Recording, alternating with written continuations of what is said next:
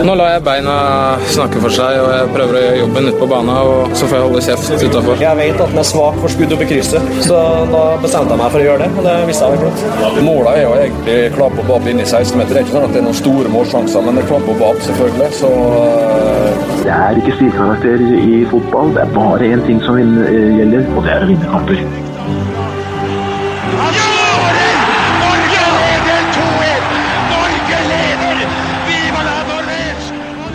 Og der er uh, toppfotball tilbake igjen. En uh, liten sommerferie har vi lagt uh, bak oss. og hva er vel bedre enn å klinke til med to episoder den uka vi, vi kjører i gang. Og denne uka så var vi nødt til å, å, vie litt ekstra oppmerksomhet til vår nest øverste divisjon på herresiden, Obos-ligaen.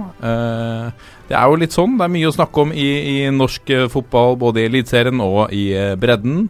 Uh, og noen ganger så føler jeg at vi, vi, vi glemmer Obos-ligaen litt. Vi, vi, kommer innom det, men, men i, med denne episoden så skal vi virkelig gi en ordentlig status og oppdatering på hvordan ligaen ser ut så langt. Vi er litt over halvspilt. Og hva er vel bedre da enn å få med seg to av de som kanskje ser mest Obos-fotball i Norge? Det var en ballsy ballsy omtale. Men uh, uansett, velkommen i studio, Roger Risholt. Takk, takk. Og Amund Lutnes. Tusen takk. Begynner med deg, eh, Roger. Uh, veldig mange kjenner deg som uh, Altså, veldig mange kjenner deg fra veldig mange forskjellige klubber. Må være lov å, å si. Jerv, Start, Fredrikstad, Århus, Hekken, Tromsø, Kongsvinger, Fredrikstad igjen, Gift Sundsvall, Kristiansund, Sandefjord Fotball og Fredrikstad på nytt. Hvilke av disse klubbene er det? Følger du med på alle disse klubbene i løpet av i, i serien? Ja, jeg følger med på alle klubbene gjennom livescore, men det er noen klubber jeg følger ekstra med, og det er jo selvfølgelig eh, Der har mitt eh, hjerte, hvis man kan si det. Selv om jeg er en eh, fotballhore eller en fotballnomade, så mener jeg at det er veldig negative lada ord, men jeg syns det er positivt. Jeg har fått oppleve mye, truffet mye mennesker. Spillere, trenere, støtteapparat. Og, men spesielt Fredrikstad er, er, klubben min, hvis man kan si det på den måten der. Og så likte jeg veldig godt AGF Århus i Danmark. Det var mer enn 300 kamper på toppnivå i Norge, Sverige og Danmark, etter, eh, etter min hodere, hoderegning. Ja, det kan uh, sikkert uh, stemme, det. Det har vært uh, spilt lenge. Spilte til jeg var 38, tror jeg, for jeg innså at det var slutt. Det var tungt, men det var riktig. og nå har jeg vært så heldig å fått jobb i Eurosport som en såkalt ekspertkommentator, som det heter nå. Og trives veldig godt eh, i Obos-ligaen. Har vært litt i Eliteserien og følger kommer tett inn på norsk fotball. Og jeg har stort sett spilt for de fleste klubbene og møtt de fleste spillerne og dommere og på de fleste stadionene. Så jeg trives veldig godt sånn som jeg har det nå. Føler du at altså, den bredden av klubber du har vært innom, hjelper deg i rollen som ekspertkommentator? Veldig. Eh, de kommer tett innpå Noen av de spiller jo ennå, er jo blitt såpass gammel. Men eh, veldig gøy å se på de som var juniorspillere, som plutselig eh, er store attraksjoner nå. Når jeg følger litt med klubbene i Danmark og Sverige, og plutselig ser du VM, og et par av de som eh, jeg spilte med den tida da. Emil Forsberg var jo en liten junior da jeg var i Sundsvall og slo jo uh, Du vet hvor god han har blitt nå. Å og se hvordan han uh, var på treningsfeltet og de stegene han tatt, og, som jeg fulgte tett. Liksom, det er gøy når du ser spillere plutselig kanskje blir en av verdens beste spillere. Kanskje litt hardt i, men han har jo vært en av Bundesligas beste spillere og en, tatt over Zlatan-rollen i det svenske landslaget. og Det er gøy å se de du har spilt sammen som virkelig har tatt store steg. Ved din side sitter Amund eh, Lutnes, eller Amund Lusnes, som Roger eh, kaller deg, har jeg hørt? Ja, jeg er jo den uh, positive delen av denne duoen her, så jeg har jo også et kallenavn på Roger Isholt. Jeg kaller han bare Roger Vindholt. Roger Vindholt? Ja, Vindholt. At han er en vinner, da, så syns han at det er litt loser. Så da, oh, ja. det, er sånn den, det, er sånn denne dynamiske duoen eh, fungerer. Noen trekker opp, og noen trekker ned, og så møtes vi på midten. Ja, For dere har reiser litt rundt og dekker litt matcher, så jeg, jeg får inntrykk av at uh, det, det kriges litt frem og tilbake her. Ja, det gjør det absolutt, men eh, det er jo alltid med et, eh, alltid med et glimt i øyet. Og Vi har jo ganske mange timer på flyplasser og til busser og i taxi, og ikke minst på arenaen, så det er viktig at vi kan ha en sånn tone, syns jeg. Er han, er han, tidlig opp om morgenen og en skikkelig morgenfull, Roger Risholt? Ja, han er ganske gretten når vi tar de tidligste flya fra, fra Kristiansand, men så da pleier ikke vi å snakke så veldig mye før fram til klokka ti. Da kan, vi begynne å, da kan vi begynne å snakke, og da er det som regel veldig god stemning. Ja. Du, eh, Amund, eh, du har kommentert eh, norsk fotball siden 2009. Begynte med i Moss? Jeg begynte i Moss. Jeg begynte i det som het Radio Moss, som ikke heter det nå lenger. Var og fulgte Moss, liksom min min klubb, da, rundt omkring overalt da de spilte i da de spilte i Obos-ligaen, het jo Dekkoliga på den uh, tida der. Og når jeg flytta til Kristiansand, det var det året Moss rykka ned til det som er nåværende Post Nord-ligaen. Flytta da til Kristiansand, begynte å jobbe i radio der, begynte å følge Start tett.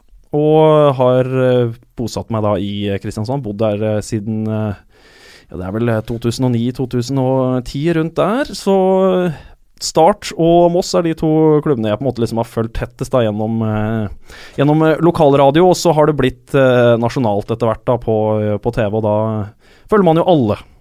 Og så har du vært eh, Når jeg googla navnet ditt, eh, og, og, så får jeg opp en sak fra, eh, fra La Manga, hvor du er, var fast invitar og vært det de siste, tre siste sesongene på i disse treningskampene, oppkjøringen for Eliteserie og Obos.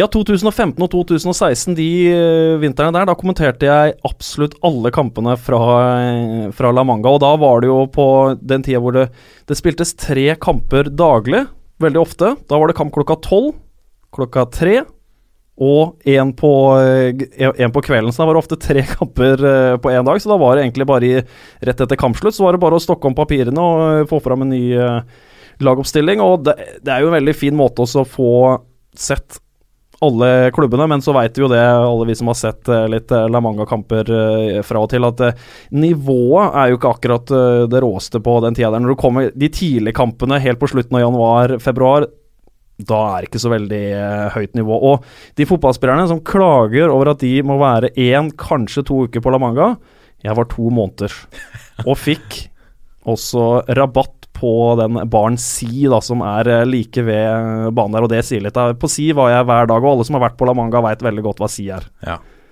Men, men, jeg har også sett at det var ikke alltid at du, du, satt og så kampene Du var alltid ved banen, men det var ikke alltid at du så kampene live. Jeg var rett ved banen i en container, eh, for på La Manga så blåser det veldig mye. Det er eh, helt vilt, altså. Fram mot uh, påsken så blåser det veldig mye på La Manga, og så er jo ikke akkurat pressefasilitetene helt topp på La Manga, så da blei det den beste løsninga faktisk da, og så bare plassere meg i en container like ved banene. Ja, Ved siden av der? Rett ved siden av både A- og B-banen. Fantastisk. Um, det er veldig godt å ha dere i studio. Vi skal snakke mye god uh, Obos-liga. Uh, vi må jo touche innom uh, hvilke klubber som har gjort litt overganger, og, og, hva som har rørt seg på kjøp- og salgfronten. så skal vi se litt på hvem dere syns har imponert og skuffet så langt i sesongen. Um, hvilke profiler som har slått igjennom. altså Hvem er det som nærmer seg Eliteserien her, av også spillere, men, men uh, hvilke lag tror dere kan ta steget opp, og hvem er det som eh, dere tror tar steget ned? Og hva skjer egentlig med, eh, med Strømmen og Florø og disse lagene som kjemper helt i bunnen? Og så har vi fått en haug av lytterspørsmål som vi gleder oss til å, å ta fatt i, så her er det bare å holde seg fast. Dette er toppfotball. Da har vi kommet til rundens øyeblikk, eh, hvor uh, dere har plukket ut et uh, spesielt øyeblikk fra, fra, siste runde i Obos-ligaen. Og vi begynner med deg, Roger. Hva, hva, hva brenner du inne med her? Det var uh, Notodden-Ullkisa. Frisparket til Brakke der fra 25 meter, da han bare køler over muren helt oppe i krysset. Helt fantastisk. at du kan se det i Obos-ligaen, det viser bare at Obos-ligaen har et veldig høyt nivå. Det er masse fine skåringer. da. Hvis du ser på fotballrunden på Eurosport eh, Norge, så ser du utrolig mange fine mål fra, fra Obos-ligaen som eh, syns vi ikke er gode nok til å, å heve. For det, det, målet der var helt eh, nydelig å se på. Fantastisk. En eh, skikkelig suser. Eh, Amund, hva har du eh, plukket ut fra runden? Som fotballkommentator da, så er det jo alltid inngangen til kampene som jeg syns er det aller mest eh, interessante. Og på Briskeby så var det en nydelig inngang eh, til eh, kampen mellom HamKam og Kongsvinger. HamKam fyller 100 år.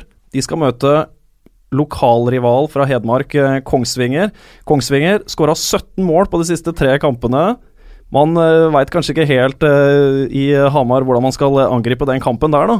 Men så skjer jo det som man alltid sier i disse lokaloppgjørene, at de lokaloppgjørene lever sitt uh, eget liv. Og når Petter Vågan Moen setter inn straffesparket til 3-1 ute i annen omgang, og Hamar begynner å skjønne at dette her kan virkelig gå, det er uh, rundens uh, øyeblikk for meg. Altså at uh, HamKam vinner til slutt da 3-1 i kampen på Briskeby. Foran veldig mye folk også. Det er kjempemoro at man klarer liksom å mobilisere skikkelig da inn mot disse lokaloppgjørene og vise da lokalbefolkningen og hele fylket at det er stor interesse for HamKam. Hvor viktig er det for interessen der oppe at, at f.eks. Kongsvinger og HamKam ligger i samme divisjon? At man har fått det rivaloppgjøret der? For det er ikke det er ikke Vi hadde vel ikke tilsvarende for, for Kongsvinger i, i, fjor? I fjor så var jo Hedmarksoppgjøret mot Elverum, men Elverum er jo ikke på en måte så stor klubb da, sånn som eh, HamKam er, med historien. ikke sant, Ståle Solbakken oppe i Eliteserien, Geir Frigård. HamKam har jo så veldig mye å ta og har en veldig, veldig flott eh, og, og lang historie. Så det å få de to største hedmarksklubbene opp mot hverandre i Obos-ligaen er kjempemoro. HamKam er jo også et lag også da som kanskje med tiden da kan eh, ta steget opp i uh, Eliteserien uh, etter hvert. da. Der har også Kongsvinger er jo også litt sånn i brytningspunktet til å kjempe helt i toppen av, av, av Obos-ligaen. Hedmark er et stort, er et stort fylke med masse historie, ikke sant? så det ligger også mye latent i Hedmark. Hvordan står det til med Mjøsas eh, Beckham? Holder han fortsatt uh, slaget der oppe? Ja, Han har vært litt sånn uh, inn og ut av laget etter han kom tilbake fra, fra utenlandsoppholdet sitt. Også i HamKam. Han var jo innom Strømsgodset før det. Har vært litt skada, så vidt jeg har forstått. Men foten til Peter Våganmoen, den er det så klart ikke noe i veien med. Og uh, før vi runder av rundens øyeblikk uh, uh, Sønnen til Ståle Solbakken snakker vi, snakker, vi, ofte litt om her. Markus Solbakken, som ifølge hans far heldigvis ikke har arvet løpesettet etter, etter Ståle. Hvordan, når kan vi forvente oss større ting av han? Nå er han 18 år. altså er det, Bør han være i HamKam, tenker du, til Eh, og følge de en, et par sesonger til, eller er han moden etter hvert for større oppgaver? Jeg syns alltid det der er så vanskelig å vite eksakt tidspunkt når en spiller skal eh, forlate en uh, klubb. Men jeg tenker jo det at hvis du kan spille regelmessig på et såpass høyt nivå som Obos-ligaen og, og HamKam, så tenker jeg det at det er smart å være en stund i, stund i HamKam. Jeg syns ofte at spillere drar litt for tidlig ut, og kanskje drar til Eliteserien litt for tidlig. Så kommer du til Eliteserien, så kanskje blir du fort tredjevalget ikke sant, i din uh, posisjon, og så stagnerer uh, utviklinga. Så um, jeg tenker det også å være i HamKam er kanskje en god løsning enn så lenge. Hva mener du da, Roger? 18 år, er det for tidlig å komme seg videre fra Hamar? Jeg syns ikke det. Jeg syns eh, Markus Solbakken er en fantastisk spiller. Gode basisferdigheter, en herlig spillestil. Ønsker alltid ballen, godt overblikk, eh, flink til å slå stikkere. Eh, sånn typisk Ole Gunnar Solskjær-signering kanskje om, om et år eller to. Han liker veldig godt å hente jo Martin Ellingsen fra Kongsvinger, sånn sentral midtbanespiller. Mathias Nordmann Hansen ble henta. Så jeg håper jo Markus Solbakken forsvinner fra Obos-ligaen om kort tid, for så god er han. Men bør han være i HamKam til han kan gå til et topp eliteserielag og få spille, eller uh, bør han innom et mindre, mindre lag i Eliteserien? Må ikke det, så lenge han er Etter min mening synes han er såpass god at han kan uh, spille Eliteserien, uh, iallfall få spilt en del neste år allerede. Får vi se om HamKam klarer seg i divisjonen, det gjør de nok. Men i løpet av sommeren neste år, hvis han fortsetter utviklinga si, så er han moden til å spille på et veldig høyt nivå i Eliteserien. og som sagt, Molde Ole Gunnar Solskjær tror jeg er en klubb som passer han fint. Nå kommer pulsen. Og Da er vi kommet til pulsen, og pulsen i dag vil handle om eh, overgangsmarkedet og status på kjøp og salg i Obos-ligaen. Og eh, Roger, eh, hvor har du lyst til å begynne?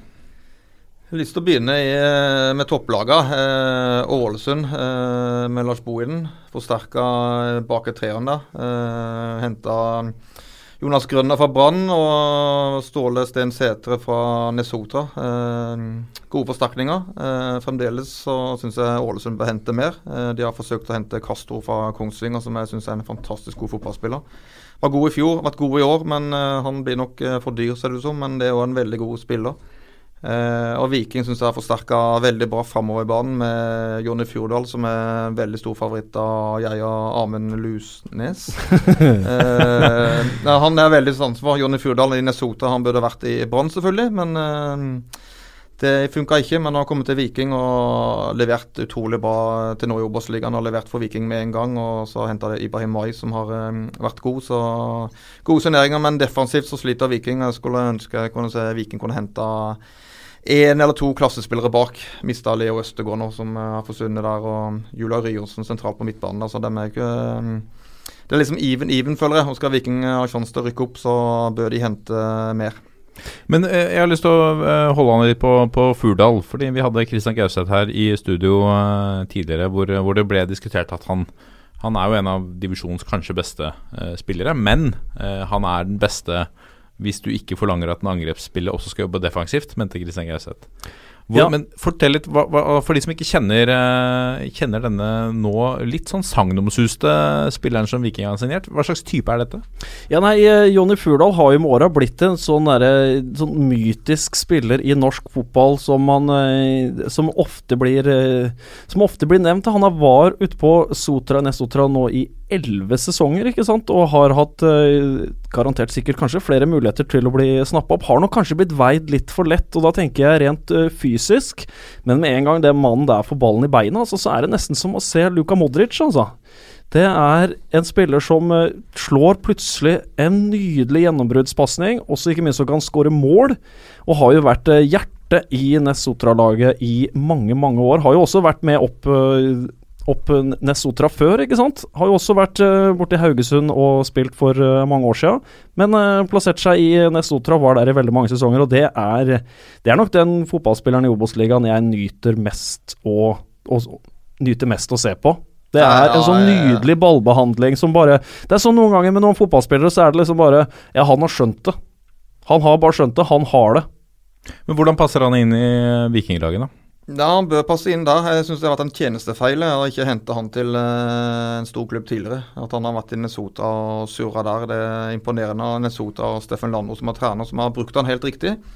Uh, men at ikke ingen eliteserieklubber har hatt bruk for han, syns jeg er veldig merkelig. Å passe inn i Brann. Han passer kanskje ikke inn i Brann, for der skal det løpes fra elleve mann. Men Finner du riktig trener til uh, riktig klubb for Jonny Furdal, så hadde han dominert uh, Eliteserien nå. Men da må du vite konsekvensene han uh, defensivt, for det er, det er han veldig, veldig svak. Men offensivt så er han en fryd å se på. Han er kreativ og hadde sikkert skapt en haug med målpoeng i Eliteserien nå med riktig klubb og riktig trener som hadde utnytta han riktig. Ja, Vi hadde jo kamp på Mjøndalen for ikke så altfor lenge siden. Mjøndalen-Nesotra som endte 3-3. Og der ser du jo hvor god Jonny, Jonny Furdal er. Han legger opp til to av måla, og så dunker han inn et mål sjøl. Det er et så stort tap for Nesotra, så det er nesten vanskelig å forklare hvor stort tap det er. Altså, det er en spiller du egentlig ikke får erstatta med en rein erstatter for Jonny Furdal. Han er Jonny Furdal. Men de må vel kanskje prise seg lykkelig over at han har vært der i elleve sesonger, og folk har kanskje gått og ventet på at han skal mm. gå videre på et eller annet tidspunkt, og nå, nå skjedde det etter elleve sesonger, så de har fått mye ut av han. Ja, de har fått, eh, fått maks ut av eh, Jonny Furdal, og det er jo sånn eh, klubb Nesotra er, da. De har jo hatt eh, f.eks. Bare ta et eksempel med um, Steffen Lie Skålevik, ikke sant. En spiller som har vært innom Nesotra og kommet seg videre. Ståle Sten Sætre, som eh, vi så vidt har vært inne på midtstopperen som er henta til Ålesund. hatt litt sånn omflakkende karriere, endte opp i Nes Sotra. Var kjempegod i fjor, kjempegod første halvdelen av sesongen òg, og nå er han kanskje eliteseriespiller eh, neste år. Så det de driver med ute på Sotra, er eh, veldig fascinerende. Og det er for meg, da, i eh, hele Obos-sirkuset, en veldig eksotisk klubb, syns jeg, da, Nes Sotra, som er langt ute på Ågotnes. For stort sett aldri er helt perfekt og flott vær. Alle gangene jeg har vært der, har det vært kjempevind, men også så klart en nydelig gressmate langt ute på en langt ute på en øy litt utafor Bergen.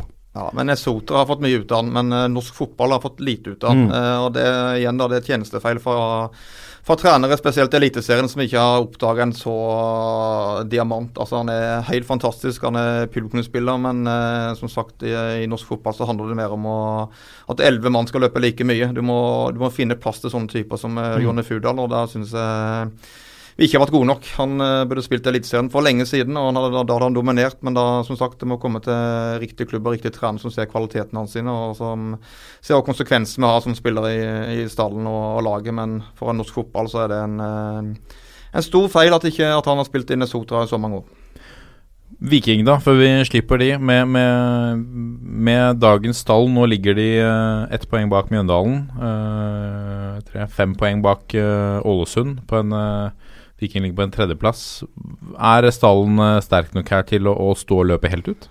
Jeg syns ikke det. Jeg syns de har henta bra med som du nevnte Furdal og Ibrahim Mai, men har mista Leo Østegård og Julian Riosen.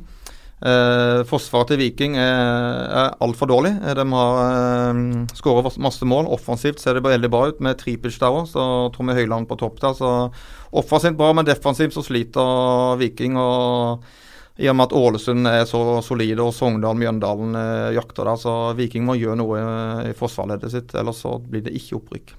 Og I dag er det jo tirsdag. I morgen onsdag er det deadline day. Jeg er ganske sikker på at Viking eh, kommer til å hente kanskje én eller to forsvarsspillere før eh, vinduet klapper igjen. Det må de, for eh, de kan ikke, de kan ikke ha mange sånne kokoskamper som, som Viking har hatt. Da. Så de plutselig på, på, på, sommeren gikk inn i en lang rekke med kamper hvor de taper på rad. Det går ikke. altså det, Så tett er Obos-ligaen. og kvaliken i Obos-ligaen og være involvert i den, det er rett og slett eh, bingo. Det viktigste er altså å komme seg på de to øverste plassene som gir direkte opprykk.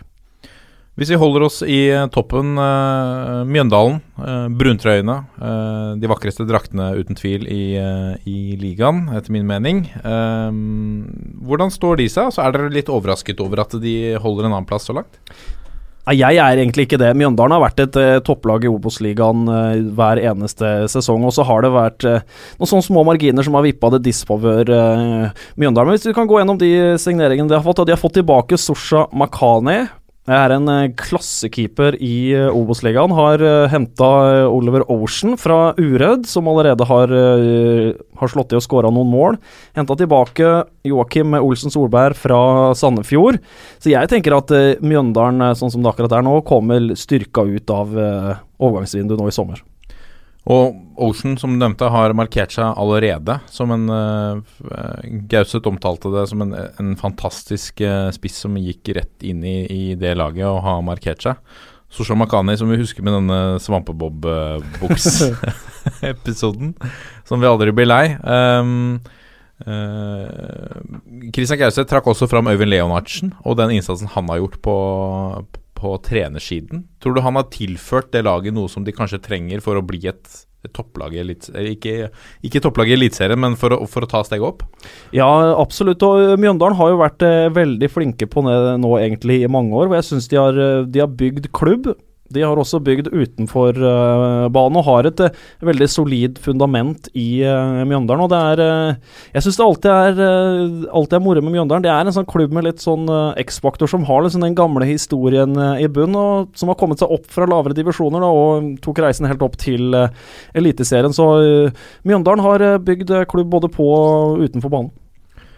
Hvis vi går videre til uh, Sogndal, uh, Roger. Hvordan uh, syns du de ser ut etter, etter, etter, vinduet? Altså Nå er ikke vinduet lukket når vi sitter her, men så langt? Nei, jeg syns de uh, sett veldig sterke ut. Bare litt tilbake til Mjøndalen. Og jeg syns det Øyvind Leonsen har gjort i, i Mjøndalen, tror jeg har vært veldig, veldig bra. Jeg har fulgt Mjøndalen lenge nå, og det har vært fra å være den eh, gampe-fotballen som Vegard Hansen nekter å innrømme, men eh, det har det vært. Men de har utvikla seg veldig de siste eh, to åra. Eh, I spillestil lagt om. Kristian Gauseth er fantastisk sentralt på midtbanen der. og Spiller 4-3-3, god keeper, gode stoppere, slipper nesten ikke inn mål. ser veldig solid ut defensivt og offensivt. så ja, de skårer ikke mange mål, men de vinner de eh, jevne kampene. og Det er det som gjør at de ligger i, toppen der. så Mjøndalen ser, eh, ser sterke ut, men uh, om Ocean skal skåre utover høsten, der, så blir det opprykk. Men jeg er litt usikker på Ocean. Han får mye skryt nå, men har et viktig mål nå, 1-0-seieren. så Det får vi se på. Men Sogndal har jo vært i kanonform nå. Det er vel åtte seire og to uavgjorte nå på siste tid. og spiller han litt sånn maskinfotball. Erik Bakke. Alle løper utrolig mye for treneren og for laget der. og ser veldig sterke ut. Og med Ålesund går jo opp, det, det er ferdig diskutert. Det sa, Ja, det- det sa vi jo før sesongen. Så Ja, den, vi eh, sa det før sesongen på tabelltipset vårt hos eh, Eurosport. Eh, Ålesund med Lars Bohin de vinner Obos-ligaen eh, 2018. og Det har jeg egentlig aldri vært noe i tvil om i det hele tatt. Også gjør veldig mye riktig på overgangsmarkedet nå i sommer, og gjorde det også, også før sesongen. Så Lars Bohin begynner allerede liksom å planlegge Eliteserien eh, neste år. Men viser det hver eneste runde i Obos-ligaen. De tar alle mm, motstanderne dønn seriøst og gjør jobben hver eneste gang. Og Lars Bohin har rykka opp eh, to ganger fra eh, Obos-ligaen før. Han veit akkurat hva som eh, møtes ute på Florø, i Strømmen og eh, alle de stedene man må dra til. Eh, Det deles ut tre poeng hver, hver eneste gang, veit han, og da må det være 100 eh, jobb. Og sånn som Roger var inne på da med mm, signeringene, de mista jo Sonny Nattestad, midtstopperen. Han gikk jo tilbake til Molde, og med en gang det er på jobb, og så signerer Jonas Grønner, da, som er da greit, var da greit ute i fryseboksen i, eh, i Brann med midtstopperpar eh, der. En god signering som eh, også vil fungere bra i Eliteserien. Og Ståle Steen Sætre, som vi også har nevnt, som også er veldig, et veldig interessant tilskudd i Ålesund, syns jeg. som som har sklidd godt inn der. Henta også Nikola Cacic fra Sarpsborg. En sånn en wingback med fart, som også skaper bredde i troppen til Ålesund. Og vi har ikke snakka om det, de to på topp hos Ålesund. Agdestein og Fridjonsson, der har Ålesund eh, truffet. De har spillere som uh, skårer mål, og Holmert uh, Fridjonsson, den gigantiske islendingen på topp for eh, Ålesund, har eh, vært en braksuksess til eh, nå. Vi må ta med oss, eh, La oss ta med oss de lagene nå som ligger innenfor playoff-sonen. Tromsdalen, eh, til alle store overraskelser, vel? At de er inne på topp seks etter, eh, etter 19 spilte runder?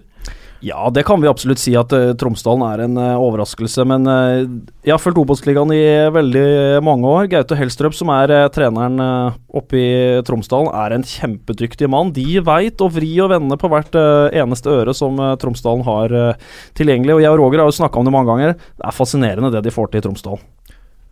Roger, overgangene som Foreløpig oversikten som jeg sitter med nå, så har de lånt inn to spillere fra, fra Tromsø, og det er det de har hentet inn. Er det for, eh, er det for tynt for å holde løpet helt ut der oppe? Ja, jeg tror det kommer til å bli tøft for Tromsdalen å få topp seks. Eh, men i den formen de er nå, eh, henter ikke noen store forsterkninger. Har det minste budsjettet i hele Obos-ligaen. Og hvis du tar tilbake til desember da, i, fjor, så så det ikke bra ut i det hele tatt. Da var Gaute Helstrup ferdig, spillergruppa var misfornøyd med at han skulle gå, og støtteapparatet Alt var borte. Og så nå ligger de på topp seks i Obos-ligaen. og det viser jo bare hvor mye de får ut av de små ressursene Tromsdalen har. og Gaute Helstrup tror jeg gjør en helt outstanding jobb der i, eh, i Tromsdalen. og Får de, får de lokale spillerne der til å blomstre så mye og spille fantastisk god fotball og få resultater i samme slengen. Så det er meget imponerende det de gjør oppe i Tromsdalen. Apropos det der, da, med at de har lånt inn eh, to stykk fra eh, Tromsø, mener jo jeg er den gylne modellen for hvordan man skal eh, drive fotball på nivå to. At man har en som er desidert eh, storebror, altså eh, Tromsø, og så har du Tromsdalen da, som man kan bruke også. De som blir altfor gode i Tromsdal, de kan prøve seg i Tromsø. De som ikke er helt gode nok i Tromsø, de kan lånes ut til uh, Tromsdalen. Jeg mener det er perfekt spillerutvikling, uh, sånn som uh, de driver med rundt der. òg. vi kan jo trekke fram én mann da, som har dratt fra Tromsdalen. Det er jo Jo Nymo Matland, som har en fantastisk venstrefot. Han har da flytta til Sunnmøre av familiære årsaker, så vidt jeg forsto. Skal spille i Brattvåg. Det er jo synd at Obos-legaen mister Jo Nymo Matland, som jeg også syns er en attraksjon. Ja, nei, absolutt.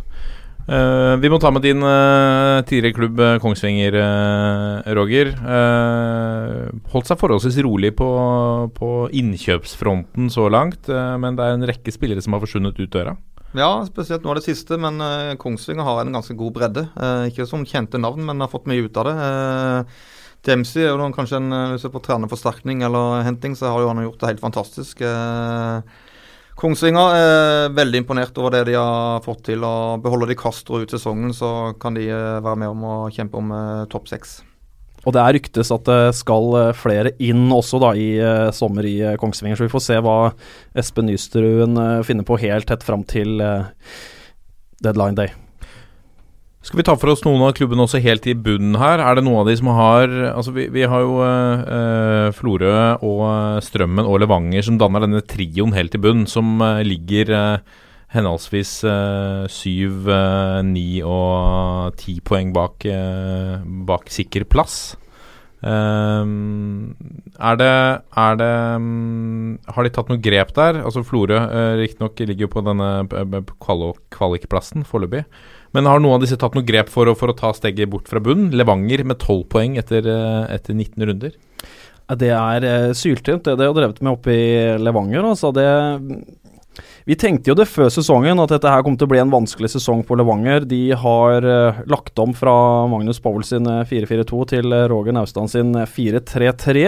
Og overgangen der har vel ikke kanskje gått helt uh, knirkefritt. Og så er det vel også flere av spillerne man har henta inn som ikke har slått helt til heller. Men så tenkte jo vi før sesongen at Levanger de tror vi kommer til å i hvert fall holde seg i Obos-ligaen, men de kommer til å være et godt stykke ned på nedre halvdel og har fått så å si nesten ikke noe uttelling i noen av kampene sine, og det har vært veldig mye rør bakover òg. Ja, det har det. De henta inn Otto Ulseth som skal inn på trenersida, så får vi se hvordan det går. Men Strømmen, som sagt, vi har gjort en del grep i sommer. Mista en del spillere, men henta inn en del der. Og det er jo en del gode navn som har kommet inn. Og det er jo Viktor Grodås er jo en veldig god signering fra, fra Sogndal. Alexander Ruud Tveter, veldig god signering.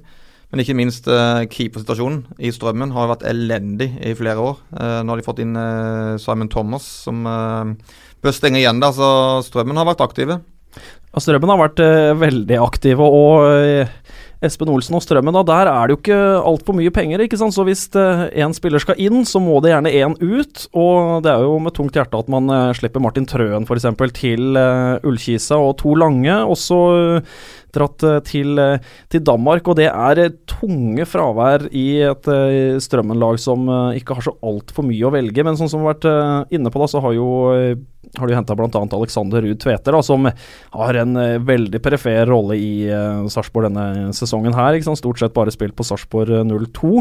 Men uh, de har også henta inn uh, to fra Lillestrøm, og det er litt interessant da, at sånn som vi snakka om Tromsdalen og Tromsø, at de lokale klubbene kan samarbeide. De har henta han Charles fra Lillestrøm, da, en defensiv midtbanespiller som visstnok skal gå rett inn på laget. Og Moses-spissen, da, som uh, Lennartson ikke ser helt store bruken for ut uh, sesongen. Og da tenker jeg det er helt genialt at man kan låne ut til den uh, lokale klubben. Og så gjenstår det å se da om de slår til Strømmen. Ja, veldig bra Strømmen, men de slipper inn en haug med mål. Så de må jo tette igjen bakover med keeper. Men nå Får de Steinar Strømnes tilbake, så kan det gå for, for Strømmen. Men uh, Strømmen jeg tror de kommer til å holde seg. De har godt lag, spiller god fotball, men uh, de må tette igjen bakover. Når du ikke har midtstoppere, hva er vitsen med å hente en haug med spisser og midtbanespillere? Da? må du tette igjen bakover og hente midtstoppere. Men uh, det har ikke Espen Olsen skjønt ennå, så vi ser. Han har to dager, to dager igjen. Men Charles og Moses, jeg husker jeg så de tidligere i sesongen, helt i starten vel, da for Lillestrøm. De, de, er jo to bra, to bra, spillere, men som kanskje ikke passer inn hos uh, Lennartson. Men, men Sebastian Pedersen forsvunnet ut. Det var også en spiller som jeg hadde store forventninger til før sesongen. Lillebror, lillebror til Markus går nå tilbake til godset. Hvordan, hvordan, har han vært i år i, i Strømmen? Han har uh, fått noe innhopp og ikke fått noe fast rolle i det hele tatt i uh, laget til uh, Espen Olsen mye, og det er pga. at uh, han faktisk har hatt uh, gode spisser. Han begynte med Martin Trøen og Sindre Maurits Hansen, som var lånt inn fra Stabæk. Så bare der så sier du at det er vanskelig å uh, komme seg inn på laget. Men nå er jo Pedersen fortsatt veldig ung, da, så får vi se om han kommer til å få noen rolle i det hele tatt i Strømsgodset A-laget ut sesongen. Det kan jo godt hende han kanskje er på vei til et nytt utlån. Ja, er det andre klubber dere ønsker å trekke fram, Roger? Du ja, nikker på huet her. Ja, jeg har det. Eh, HamKam, eh, som var veldig aktive før sesongen, og som eh, har vel gjort en ok sesong. Eh, vant det viktige lokaloppgjøret mot eh, Kongsvinger, men har mista Arun Dønnum, som er fantastisk spiller. Mm, Kanskje mm. vært en av de beste i Obos-ligaen i år, etter min mening. Uh, Morten Rene Olsen og Omarsen, midtstopperen som eh, var lånt eh, fra Sarpsborg. Så de har mista tre veldig gode spillere, eh, iallfall to av de, så, og de har ikke henta inn noe ennå. Så hvis Strømmen kommer bakfra da med, med Florø og Levanger, så må HamKam passe seg. Så de, de må på, på jobb. Og så en siste som jeg syns er veldig bra, det er jo min der jeg kommer fra, nesten. Det er jo fra Arendal, men Grimstad. Ikke gjort noen god sesong, Jerv, men henta Daniel Aase, som er en attraksjon. Han er boksåpner, han er kreativ og har spilt på det nivået før. Var veldig god i fjor for Start, så det er en veldig god signering. Ja, vi som eh, jobber med Obos-ligaen eh, klapper og jubler når vi kan få en sånn uh, publikumsattraksjon som Daniel Aase. da, og For å trekke noen paralleller, da, så kan Daniel Aase fra Sørlandet være det Jonny Furdal er i og rundt bergensfotballen. En spiller som han har snakka om i ekstremt mange år. Har spilt i Vindbjart, spilt krydderfotball i uh, Vindbjart. Så fikk jeg også nevnt uh, det. Da blir uh, Steinar Skeie fornøyd i, i Vindbjart. En spiller som har vært helt fantastisk. Fortell, hva er, hva er krydderfotball? Er det motsvaret til makrellfotballen, eller hvordan fungerer dette? Nei, jeg vil ikke si det er noe motsvar til makrellfotball, men krydderfotball er rett og slett Det er ballen langs bakken. Man skal spille ballen til, til en medspiller. Det er ikke lov til å klarere i Vindbjart. Det er klareringsforbud. Her skal man spille ballen Eh, langs bakken. Og som man sier i i Vindbjart. Det er lov å feile, men det er ikke lov å feige. Man skal altså tørre å spille hele tida, og der er jo Daniel Aase et eh, nydelig produkt av uh, krydderfotballen. Som du ser det bare med en gang den mannen får ballen i beina. En helt fantastisk nærteknikk som har plassert seg da ut på høyre vingen i Jerv. Og en strålende signering for Jerv, men vi var inne på det. Jerv, det er en klubb som jeg syns har underprestert eh, veldig. Altså Der òg har det jo begynt å bli litt gjennomtrekk òg med spillere, syns jeg. Det er en del spillere inn og ut uh, hver uh, eneste sesong. Men uh, Jerv kommer til å stå i divisjonen. Men de kommer nok ikke til å blande seg inn blant uh, kvaliklaga. Ja, det begynner å bli langt opp her nå. Nå ligger de på en tolvteplass mens vi spiller inn dette. et lag som Notodden og, og, og Kisa, hvordan har de beveget seg, eller hva slags bevegelser har de foretatt seg på, på overgangsmarkedet så langt? Ser vi på Ullkisa, så har det ikke vært så altfor uh, mye bevegelse. De har henta Martin Trøen, og så har de sluppet uh, Andreas Aalbu til, um, til, Fredrikstad. Og så har de sendt William Kurtovic tilbake fra lån. Han var jo på lån fra Sandefjord. Så ikke så altfor mange forandringer her. Kan så klart skje noe der i Ullkisa inn mot inn mot uh, avslutningen av uh, overgangsvinduet. Men i, i, Notodden da, så fikk jo de Michael Ledger ute med en uh, skade. Jeg vet ikke om, om, det var bordtennis eller tennis eller hva det var. I hvert fall en snodig skade på engelskmannen midtstopperen, og har uh, måtte da hente inn en erstatter. Calvin McIntosh. Yeah. Henta fra nederlandsk fotball. Gikk rett inn på laget og spilte nå i helga mot mot uh, Ullkisa. Og Hva er dette navnet? Altså, er, har han, har han uh, funnet på det selv, eller er det, er han, er det hans fødenavn? Altså, hva, hva, ligger bak dette? Nei, Jeg har ikke googla navnet og spilleren uh, altfor mye, men det er jo et sånt navn du ser som uh, det på en måte med en gang Det blir en fin avisoverskrift med en gang man, man ser et sånt navn. Og jeg er jo veldig imponert over det Notodden har fått til den sesongen her, og ikke minst også Notodden, da, som har en klar spillestil med 4-3-3 med Kenneth Okken. Ja, og så har du eh, Jan Halvor Halvorsen som uh, jobber i kulissen der. Som er sikkert, uh, han er sikkert han som har henta alle de her spillerne som er de her A-navnene. Så han uh, har jo et veldig godt rykte, Jan Halvor, til å hente spillere. Og um, har godt, gode kontakter. Så de spillerne som har kommet, er jo ganske sikker på at Jan Halvor har fiksa til Notodden. Og til nå har Notodden vært veldig bra. Ja. Men en klubb vi ikke har snakka om, hvor det er kanskje aller mest gjennomtrekk av alle, det er jo Sandnes Ulf. Ja. Sandnes Ulf, der er det så mye gjennomtrekk stort sett hver eneste sesong. Og Bengt Steternes får jo Han får jo aldri satt et lag. Men der har jeg gått og ventet uh, i et år uh, på at uh, Bengt Seternes forsvinner ut døra. For der har det vært mye rykter om det ene og det andre. Og han, jeg vet ikke hvor stor tillit han har i spillergruppa, Roger? Det begynte jo litt i, etter sesongen i fjor, da klubben skulle ta et valg. Det var spillergruppa eller Bengt Seternes. Eh, de valgte Bengt Seternes. Eh, og det syns jeg er riktig av klubben. Eh, det er ikke spilleren som skal bestemme i klubben, det, det er treneren som har, som har, ansvaret. Og Bengt Seternes bestemte og kvitta seg med et par spillere, men allikevel så har det gått veldig veldig dårlig for uh, Sandnes Ulf. Nå har de jo vært uheldige med skader på fire-fem uh, av de faste i elveren. Men allikevel, Sandnes Ulf har uh, ikke vært dårlig, har mislykkes totalt, syns jeg. Det har vært uh, skuffende. Spilt dårlig, ble pissa på av Kongsvinger på bortebane sist, men da hadde de jo bare tolv mann med. Ja. Bojan Saric satt på benken som uh, 13. mann, så Sandnes Ulf har vært en uh, veldig stor skuffelse. Nå har de henta Bjørnar Holmvik og uh, Akinemi bl.a. Uh, fra henholdsvis Vidar og Notodden. Vil det hjelpe? Altså De underpresterer jo her, må vi kunne si. Jeg hadde forventet at de lå høyere enn en ellevteplass, som de gjør per dags dato. Altså, men så er det det som ofte er litt vanskelig i Obos-ligaen, det er å også vite hvilket nivå de spillerne man uh, henter egentlig er på. da Hvor gode er egentlig Sandnes Ulf? For Roger har jo spilt mye rundt og og opplevd mye. Det der også bytte så mye i troppen som de gjør, og ikke minst kanskje bytte litt formasjoner og hvor de enkelte av spillerne spiller på banen også. Det blir også veldig mye bytta rundt i Sandnes Ulf, så det er nok litt sånn, litt sånn småkaotisk å være i og rundt uh, Sandnes Ulf, for uh, det er så veldig mange forandringer. Da. Ja, men de henter veldig mange gode spillere, eller iallfall gode navn. Altså Sanel Kapici som er kommet nå. Men uh, sånn som jeg ser det, så henter de jo Uh, feil typer. Altså Det er gode spillere med feil typer. Altså Sandnes Ulf som har mangla ledertyper. Henta de for Toren, men ellers er det, det er ikke ledertyper. Det er gode enkeltspillere med gode individuelle ferdigheter, men uh, bortsett fra det så, så henger ikke det laget der sammen. Uh, Christian Brix er en veldig god spiller, og du har flere av de i Sandnes Ulf. Remi Johansen, mye skader. Altså De har vært uheldige med skader, men de som stort sett de gjør i norsk fotball. De henter spillere på navn og, ferdigheter, men uh, det jeg savner, er de her eh, ledertypene som uh, For å gi litt skryt til kollegaen vår Kristian Gauseth. Altså, der har du en ledertype som tar ansvar for laget sitt, som er en vinnerskalle. som bryr seg om de rundt seg. altså er Opptatt av laget. Laget skal vinne. I Sandnes Ulf ser jeg kun spillere som er opptatt av um, sitt eget ego, uh, for å ta litt hardt i. Så det er ikke bra, og det er to en av grunnene til at Sandnes Ulf eh, ligger der de gjør. Og så er det selvfølgelig skader som har påvirka det i år.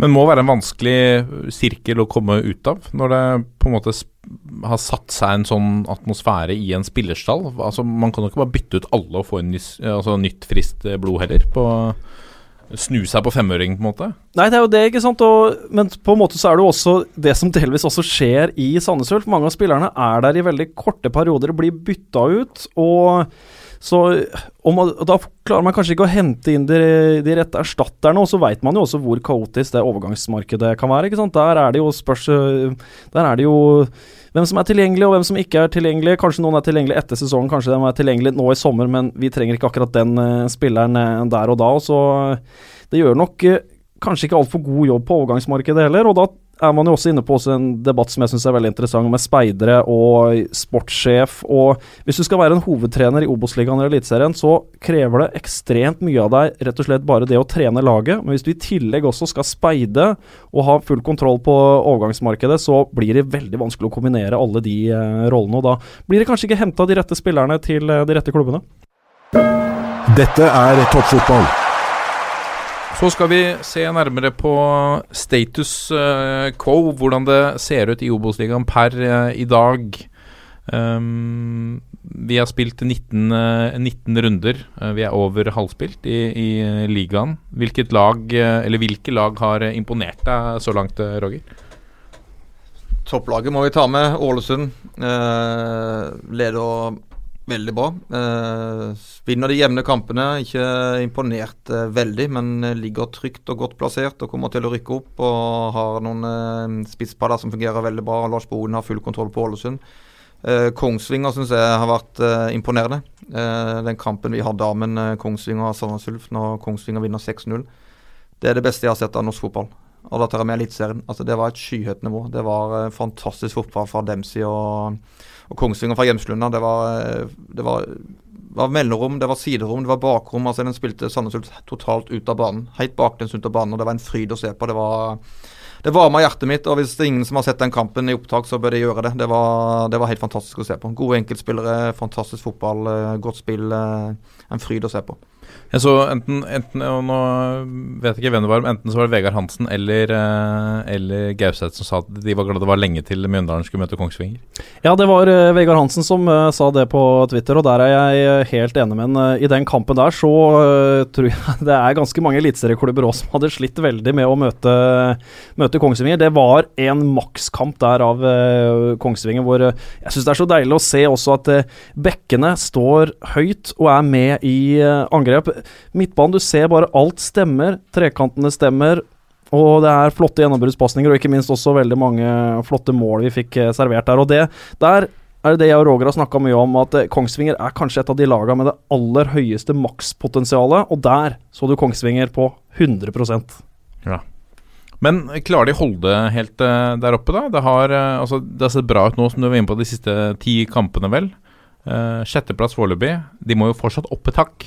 Ja, men nå har Dempsey kommet inn da og tatt litt eh, grep, føler jeg. Espen Nysen styrte jo laget etter Hans Erik Eriksen ble, sparka og gjorde det greit. Men når Dempsey kom inn, så så vi noe helt annet eh, spill. Det var mer gjennombruddshissighet, samtidig som det holdt eh, gode pasningsspill og possession-spill. Og som sagt, jeg mener etter min mening, og kanskje Amund, at de, de har det høyeste maksnivået i, eh, i Obos-ligaen. Høyere enn Ålesund nå. Men eh, det er den eh, det å være solid og stabile, det er der jeg tror eh, at ikke Kongsvinger er ennå. Men eh, det de holder på å bygge Kongsvinger nå, er veldig imponerende. Og de har en enkeltspiller der med Marlinho Ja, nydelig spiller. Castro og et par eh, Øby der som klarer seg veldig fint i risottolen, som vi liker å kalle den. der, Dype, så- dype rollen. ja, det har vært veldig gøy å se sånn fotball. De har jo spilt fotball på et høyt nivå før og Kongsvinger, men så har det blitt straffa personlige feil og, og spesielt dødballer imot. Men eh, det de har levert til nå, eh, etter Dempsey kom inn, er på et eh, meget sterkt nivå.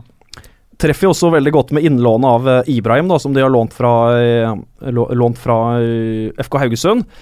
Og Han hadde vel eh, syv mål på eh, tre kamper. To hat trick, og så skåra han eh, også mot, mot, mot Sandnes Ulf. Så han har fått en spiss som også skårer mål. Men han er, altså, ut fra det jeg har sett av han i Eliteserien, så han er for god for OS-ligaen. Ja, det er nettopp det der brytningspunktet der, da. Mellom å være kanskje for god for Obos-ligaen og ikke helt nå opp i uh, Eliteserien. Og han er nok i det sjiktet der. Ja. Et lag som, som Tromsdalen, vi var inne på det i stad. Eh, hvor imponert er dere av innsatsen som er gjort der oppe, eh, og, og det som nå foreløpig holder til en femteplass? Det, er- det er en klubb med kultur. Det er en kultur for å levere gode prestasjoner. Det er kultur for å få mest mulig ut av de eh, ressursene man har. Og Gaute Helstrup eh, gjør rett og slett en eh, fantastisk jobb oppe i Tromsdalen. Jeg er kjempeimponert av en eh, så liten klubb som eh, Tromsdalen er, som eh, bare henter spillere fra, fra Nord-Norge, så å si. Og det gjør det på sin måte. De spiller fotball på sin måte. De har bare små spillere. Da er det ikke vits å slå innlegg i boksen. Det gjør de heller ikke. De kombinerer seg inn mot så langt de må, og da har de sett utrolig mange fine mål. og Lysvoll-brødrene har vært gode, men det, det er ikke noen veldig gode enkeltspillere. da. Det er det kollektivet som jeg syns er bra. og så så skårer de mye mål, for den grunn at uh, samholdet er bra der oppe. og ja, Det er gøy å følge med Tromsdalen, så får vi se om de uh, holder ut. Men uh, de var imponert. På den andre enden av eh, skalaen, hvilket lag, eller hvilke lag er det som har skuffet dere eh, etter, eh, etter 19 runder? Hvis jeg skal trekke fram det laget som har skuffa meg mest, så er det Så er det Sandnes Ulf. Mm. Det er det laget som har skuffa meg eh, aller mest. Jeg uh, forventa før sesongen at de skulle ligge på kvalik, være helt der oppe, kanskje opp mot eh, direkte opprykk, men i hvert fall eh, kvalik. Nå begynner de faktisk å dette såpass langt ned på tabellen at det kan nesten hende det blir eh, bunnstrid eh, ut, eh, ut sesongen. og det med tanke på ressursene som Sandnes Ulf har eh, tilgjengelig i forhold til mange av de andre klubbene, så er det virkelig ikke godt nok, og en stor skuffelse for meg. Ja, helt enig. Sandnes Ulf har vært eh, Vi tippa det jo uh, femteplass eller et eller annet sånt, eh, husker jeg.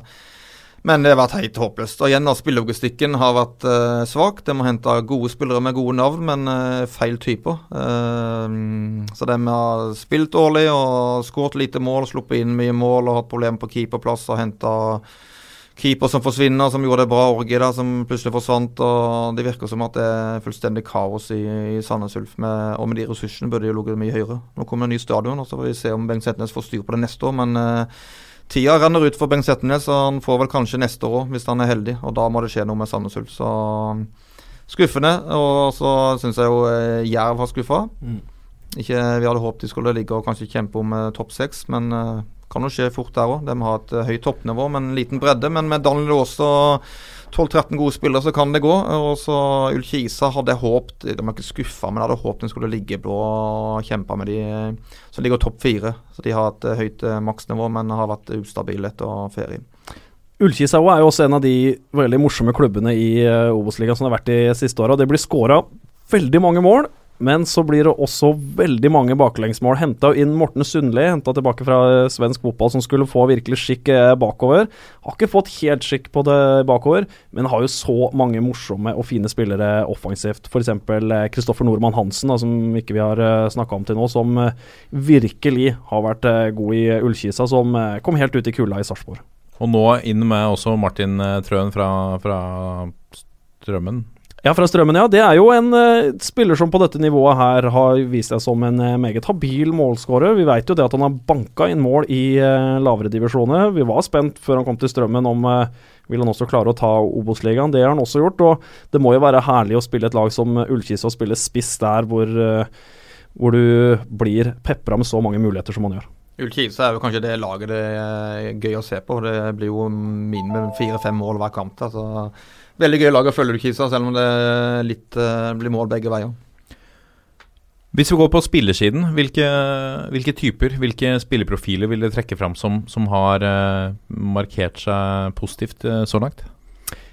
Jeg vil kanskje først uh, trekke fram uh, Holmbert uh, Fridjonsson, som virkelig har slått til i Ålesund. Han er uh, toppskårer i Obos-ligaen nå, med 14 mål til nå. Det er i hvert fall en som jeg vil trekke En, en som profil som virkelig har slått til. da Som jeg Vi var litt usikre før sesongen. Det var man kanskje litt oppe i Ålesund, uh, Ålesund også. Har slått veldig til. Og så Vi har snakka veldig mye om det i stad, men uh, Jonny Furdal, så klart. Ja, eh, Jonny Furdal er jo en av de Han er attraksjon, det har vi nevnt tidligere. Med Holmot Fridtjofsen ser jo veldig sterk ut nå. Eh, veldig god form. Uh, Skåret jo tre mål nå sist. og uh, passer perfekt inn i systemet til Lars Bohin. Han virker fit, han virker godt trent, han er god i boksen, han er god til å gjøre andre spillere rundt seg. og Med han og Agdestein på topp der, så suser Ålesund rett opp i uh, Eliteserien. altså Tripic syns jeg er gøy å følge, når han uh, holdt seg skadefri. Vært litt for mye skada, men det er jo en attraksjon. og Kjetil Wæler, imponerende. Sigurd Haugen har gjort sine mål der. og så jeg er imponert over den gode Kristian Gauseth. Er jo gammel eh, eh midtbanespiller sjøl og i den dype rollen. Og Spillfyrer. Spillfyrer. Jeg syns det er gøy å se sånne typer som, eh, som, tar den rollen så seriøst, og som får laget til å fungere rundt seg. Det, det er ikke bare i Obos-ligaen, men i Eliteserien syns jeg det mangler sånne typer. Det er jo bare å se i Rosenborg. Da mener jeg de mangler en dyp, god spiller. Brann, eh, med igjen spillelogistikk. Mister Sivert Helten Nilsen, så henter de Ruben Ytgård Jensen. To forskjellige typer. To forskjellige typer, men hvis Brann eh, skal imponere litt og spille mer attraktiv fotball, så er jo Ruben Yttergård Jensen en eh, meget god spiller. Har selv spilt sammen. og Mer kreativ, kan slå de stikkerne fram i banen og i, i bakrom, så, men de må tette igjen bakover. Har du sett de siste kampene, så Igjen med spillelogistikken syns jeg folk bommer fullstendig, og jeg syns de henter feil eh, type spillere når de mangler sånne typer. Det finnes ikke mange av de lenger, men det finnes der ute. Og det å utvikle sånne spillere som jeg savner med, med norsk fotball. Hvem, hvis du skal trekke fram én eh, eh, spiller da som er eh, nærme Eliteserien i, i, nivå, som, som eh, klubbene bør ha på blokka nå frem til 2019, hva vil du si da, Roger? Nei, hvis det, Nå rykker jo Ålesund opp, da. Men jeg er jo veldig imponert over det Holmot eh, Fridtjofsen har levert i, i Ålesund. Eh, så han kommer til å bli dyr. Men han har en sånn typisk norsk spiss. Eh, typisk god norsk spiss. Passer fint inn i Eliteserien. Eh, Veldig god eh, feilvendt, ok rettvendt òg, og gjør andre rundt seg gode. Eh, god duellspiller. Så det er jo eh, kanskje den beste eh, spilleren i, i Obos-ligaen for øyeblikket. Hva med deg, Amund? Du må velge en annen. Hvis jeg skal velge en annen, så var en jeg var litt uh, inne på i stad, som er Kristoffer Nordmann Hansen. Det handler jo ofte veldig om i fotball å komme til rett klubb til rett tid. Plasserte seg liksom i uh, Sarpsborg når det kom veldig mange spillere inn. Ikke sant? Kom han litt uh, langt bak i køen, og han har hatt det veldig godt av et eh, steg ned i ned i Obos-ligaen og bøtte jo inn mål fra sin vingposisjon der. Dette er toppfotball. Så har vi fått en rekke lytterspørsmål inn til dere. Um, noen er til dere, og noen er til uh, med tanke på at vi snakker om Obos-ligaen. Vår faste, faste bidragsyter 30 Christian eh, lurer på eh, litt rundt eh, Sogndal, selvfølgelig. Om eh, resultatsfokus har gått for langt når et talent som Johan Hove drar videre til godset, bl.a. pga. spillestil og spilletid, har, eh, eller holder eh, Sogndal på å miste sin identitet? Ja, å miste sin identitet syns jeg ikke de gjør, da. For identiteten til Sogndal er jo rett og slett eh, knallhard jobbing i 90 minutter. Og Erik Bakke henter jo bare spillere som eh, han eh, skal plassere inn i spesifikke roller. Og nå er jo på en måte elveren i Sogndal veldig satt, da. Og det er veldig synd med Johan Hove, da, som virkelig er en lokal spiller der, der oppe som er på aldersbestemte landslag er et supertalent, men som da kanskje ikke helt passer inn i spillestilen til uh, til uh, Eirik uh, Bakke. Og da, da, er det kanskje like greit å dra til uh, Strømsgodset som han gjør, men det er jo veldig synd da når Sogndal, med den lille plassen det er, når de får opp lokale spillere, ikke, ikke får bruk for dem, rett og slett. Men han bør bli tatt godt imot av Jostein Flo og BP i Godset, Roger? Ja, det er en veldig god signering av Godset. Han har en haug med landskamper på alle bestemte lag. og så han en del i fjor. Gode ferdigheter, veldig gode basisferdigheter. Sogndal, Erik Bakke spiller litt med maskinfotball. Passer kanskje ikke Jon Hove. Det er jo litt sånn at uh, når trenere kjenner presset, når du vet at uh, du, skal, du, må rykke opp, eller du skal rykke opp, eller bør rykke opp, så tar du ikke så stor risiko mm. i spillet. Og Det er det jeg føler Sogndal holder på, holder på med nå. De, uh, Ser veldig bra ut. Uh, åtte seire og to uavgjort på de siste ti kampene. Men det er ikke sånn at uh, du koser deg med fotballen du spiller. Jeg syns det er litt for kynisk. Men uh, det er resultatet som teller. Men uh, Johan Hove har lidd litt av det, og kommer til godset nå og får seg et par gode treninger i løpet av et halvt år eller et år til, så kan det bli en veldig god spiller i Eliteserien om et par år. Så da vil et spørsmål fra Helge Martin, det tror jeg går bare til deg, men han lurer på om du savner radio, om du savner han? Helge Martin eh, Markussen har jobba lenge sammen i Radio Sør i eh, Kristiansand. Og ja, til tider så savner jeg å være på radio. Det er jo to vidt forskjellige ting å kommentere fotball på radio og på, eh, og på TV. Vi alle her i rommet har sikkert hørt Olav Tråen på radio. Da kan man ofte dra på litt ekstra når man ikke ser hva som skjer, og da blir det litt ekstra spennende. På TV så har du bilder av det som skjer, og da må man stort sett fortelle det som faktisk skjer på banen. Da. Du kan ikke lure i anførselstegn lytterne så mye som du kan på radio, men det er fantastisk uh, moro å jobbe med radio også. Ja. Kristian eh, har flere spørsmål. Han, han lurer på uh, keepersituasjonen i Viking, uh, Roger. Og det er flere som stiller spørsmålstegn ved Iven Austbø, om han er en uh, toppkeeper på Obos-nivå. Det er han absolutt. Hvis du tar vekk den kampen de spilte nå i helga, da han har en kjempetabbe mot, mot Åsane bortebane. Men eh, keeperstasjonene i Viking ser jo veldig bra ut. Eh, det er jo to veldig gode keepere. Eh, Austbø begynte jo sesongen, men eh, ble vraka etter 4-5-0-tapet mot Nesota, vel. Ja. Eh, så jeg er ikke noe bekymra for keepersituasjonen i, i, Viking, men eh, når du bytter keeper under sesongen, eh, så kan Bjarne Berntsen si hva han vil, at det kan være fornuftig. Men det er litt med trygghet for keepere. Det er en spesiell rase keepere. De må, de må ha trygghet. og har de ikke trygghet, så gjør de fort en tabbe som Austberg gjorde nå. Selv om han gjorde en fantastisk kamp mot uh, Åsane, så kom han som tabbe. Og alle husker den tabben, ikke de redningene han hadde før kampen. Så. Men det er ikke noe problem for Viking, de har to gode keepere. Ja, det er eh, ikke noe problem med keepersituasjonen i Viking i det hele tatt. Det er veldig spennende da med Amund Vikne, sørlendingen, som uh, banker ganske hardt på døra der nå på SR Bank Arena for, uh, for spilletid. Og det pusher også Austbå, at han veit at han har en reservekeeper bak seg som er desperat etter, etter, spilletid. Og det er jo så viktig med konkurranse, men så er det jo det, da, som vi snakka om. Det er jo, det er jo snodig med denne keepersituasjonen hvor at man også skal ha trygghet, men også at man har konkurranse bak, bak seg, så man veit at her må man virkelig virkelig stå på i hver eneste kamp man får. Ja. Quadrofena uh, får uh, episodens siste spørsmål. Han lurer på hvor trenger HamKam forsterkninger, og hvor imponerende er det å knuse Kiel i kjempeform? Ja, når de mister kanskje det er en av de beste spillere på vårsesongen, Aron Dønnum, så må de iallfall hente noe kreativt på, på vingen. Og så må de kanskje hente en stopper for Omarsen. Uh, det må de iallfall få inn. Minst to forsterkninger, og så må de kanskje hente inn én eller to i tillegg. Så ser det bra ut for HamKam, men uh, de kan gå mot en tøff høst hvis ikke det skjer noe i vinduet. For det, de har et par gode spillere, men å miste to så solide, gode spillere som har dominert uh, Obos-ligaen, det, det, kan bli tøft for HamKam. Også så viktig å slå eh, Kongsvinger, da. Fyller 100 år. Eh, er jo ofte litt skummelt noen ganger når man, eh, når man, skal lage fest, og så skal det spilles en fotballkamp, og så blir det kanskje tidenes antiklimaks eh, ved festen. Så det å slå Kongsvinger er jo altoppslukende oppe i eh, Hamar for å posisjonere seg da i hedmarksfotballen.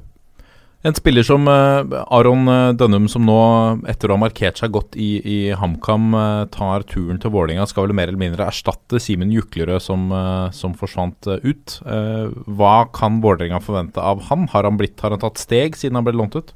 Det syns jeg absolutt. Jeg syns han uh, leverte veldig mange gode kamper for HamKam i år. Uh, han er kreativ, han kan dra en mann eller to, eller til og med tre. Gjør de andre rundt seg. Fått en del målpoeng og uh, har fått mye ut av det utlånet sitt til eh, HamKam. Så når han kommer tilbake til Vålerenga nå, så er det kun opp til Ronny Deila å forme han riktig. For det, det er en spiller som er gøy å se på, og som har ferdigheter til å, til å vise det i Eliteserien nå. For det viser òg hvor viktig arena Obos-ligaen er da for eliteserieklubbene til en spiller som ikke får så mye spilletid, som er ung, ikke sant, fremadstormende, kan komme ned til Obos-ligaen og spille fast og få virkelig den der kampfølelsen uh, som man gjør når man, uh, når man starter fotballkamper, istedenfor når man ikke helt veit om man skal sitte på tribunen eller uh, ytterst på innbytterbenken, kanskje Eliteserien. Før vi runder av, så har vi denne faste eh, spalten, sekvensen, hvor vi eh, ber gjestene våre invitere til fire norske fot fotballstjerners middag. Nå har vi jo to norske fotballstjerner her, eh, så dere er jo nødt til å invitere to. Er du kjent med begrepet firestjerners middag, Roger? Har du kikka mye på det? Nei, jeg har ikke det. Har du aldri ligget fy- fyllesyk på søndagen og sett på Jeg har sett middag? én episode, og det var med Kjetil Rekdal når han skulle lage mat. Og han uh, kjøpte reker, og da holdt jeg på å le meg i hjel. Men etter det har jeg ikke sett det. Nei. Nei, men uh, du er kjent med konseptet, Amund. Er, er du en fast titter? Ja, det har jo hatt mine søndager hvor jeg ligger litt fyllesyk og kanskje sett litt på Firestjerners middag, og alltid syns at det har vært eh, ganske morsomt. Ja. Ikke minst også å få se hvordan eh, disse kjendisene har det hjemme, har alltid vært det som har eh, fascinert meg mest. Men hvis jeg skal velge noen til å Dere skal plukke ut én hver, da, som dere kan invitere. Ja, for meg så blir jo det Kai Risholt. Han skal med fra meg. Ja, han skal med fra deg, ja. Hva er grunnen til det, da? Nei, Jeg har lyst til å eh, egentlig se hva for noe middag Kai og Roger kan eh, stille opp med, og ikke minst om de kan samarbeide om å lage denne middagen. For Kai er din uh, tvillingbror uh, Roger, som også har en, uh, en eh, anselig karriere bak seg i norsk ball. Ja, han uh, min uh, tvillingbror, ja, det er riktig. Og um, ja, det her blir spennende, Amund. Mm. Var det ikke Hvem er det du ville invitert deg med i dette selskapet, da? Er usikker, men jeg kom på Er det lov til å invitere Nils Arne Eggen? Ja, det, er- det er veldig lov. Jeg synes det kan passe bra. Hvis det, du skal invitere Kai Risholt, så kan jeg være Nils Arne Eggen mot deg. Ja. Ja, for da kan jeg sitte med Nils Arne Eggen og så mimre tilbake til 1987, da jeg faktisk ikke var født, da. Men da Moss ble seriemester med Nils Arne Eggen bak roret. Ja, men den Nils Arne Eggen er en uh, fin mann å få inn der. Og jeg, jeg vet ikke hvem som skal lage middag her. Jeg vet ikke hva om eh, Nils Arne Eggen er flink på kjøkkenet. Jeg aner ikke. Dere må jo stå for middagen. Uh, Risholt-brødrene? Ja, Risholt-brødrene, kanskje. På, Da på blir det. Wienerpølser i brød. Ja, tror du det? Hva, hvordan står det til med kokkekunnskapene? Jeg er ikke veldig eh, bra på kjøkkenet. Jeg kan lage en middag, men uh, ikke noen sånn treretters middag med dessert og hele pakka. Jeg kan uh, koke poteter, jeg kan steike en uh, kotelett og lage noen grønnsaker, og mer enn det, det er godt nok for meg. Høres jo forlokkende ut, da. Og så har jo Roger litt eh, han, eller i hvert fall Han hevder det sjøl at han har litt peiling på vin, så god vin hadde vi i hvert fall fått. Ja, God vin skal vi eh, få tak i. Hva er det som passer best til koteletter? Nei, jeg er veldig glad i italiensk rødvin, så det blir vel noe Barolo Barollo da, tenker jeg. Nydelig. Mine herrer, tusen hjertelig takk for at dere kom. Uh, lykke til. Dere skal rett videre og dekke Strømmen Mjøndalen. Strømmen uh, Sogndal. Strømmen Sogndal, unnskyld. Uh, det er en viktig kamp for begge lag, uten tvil. Og vi gleder oss til å følge resten av Obos-ligaen. Det er spenning fortsatt, må vi kunne si, både i topp og i bunn. Det er ingenting som er kjørt for noen av lagene. Takk for at dere kom. Tusen hjertelig takk for at vi ble invitert. Jo, bare hyggelig. Så avslutter vi, da. Får vi se om dere henger med på den. Uh, vi pleier å avslutte på en bestemt måte, hvor vi sier 1, 2, 3. Vi er en gjeng. Vi er en gjeng. Vi er en gjeng. Ja. ha det.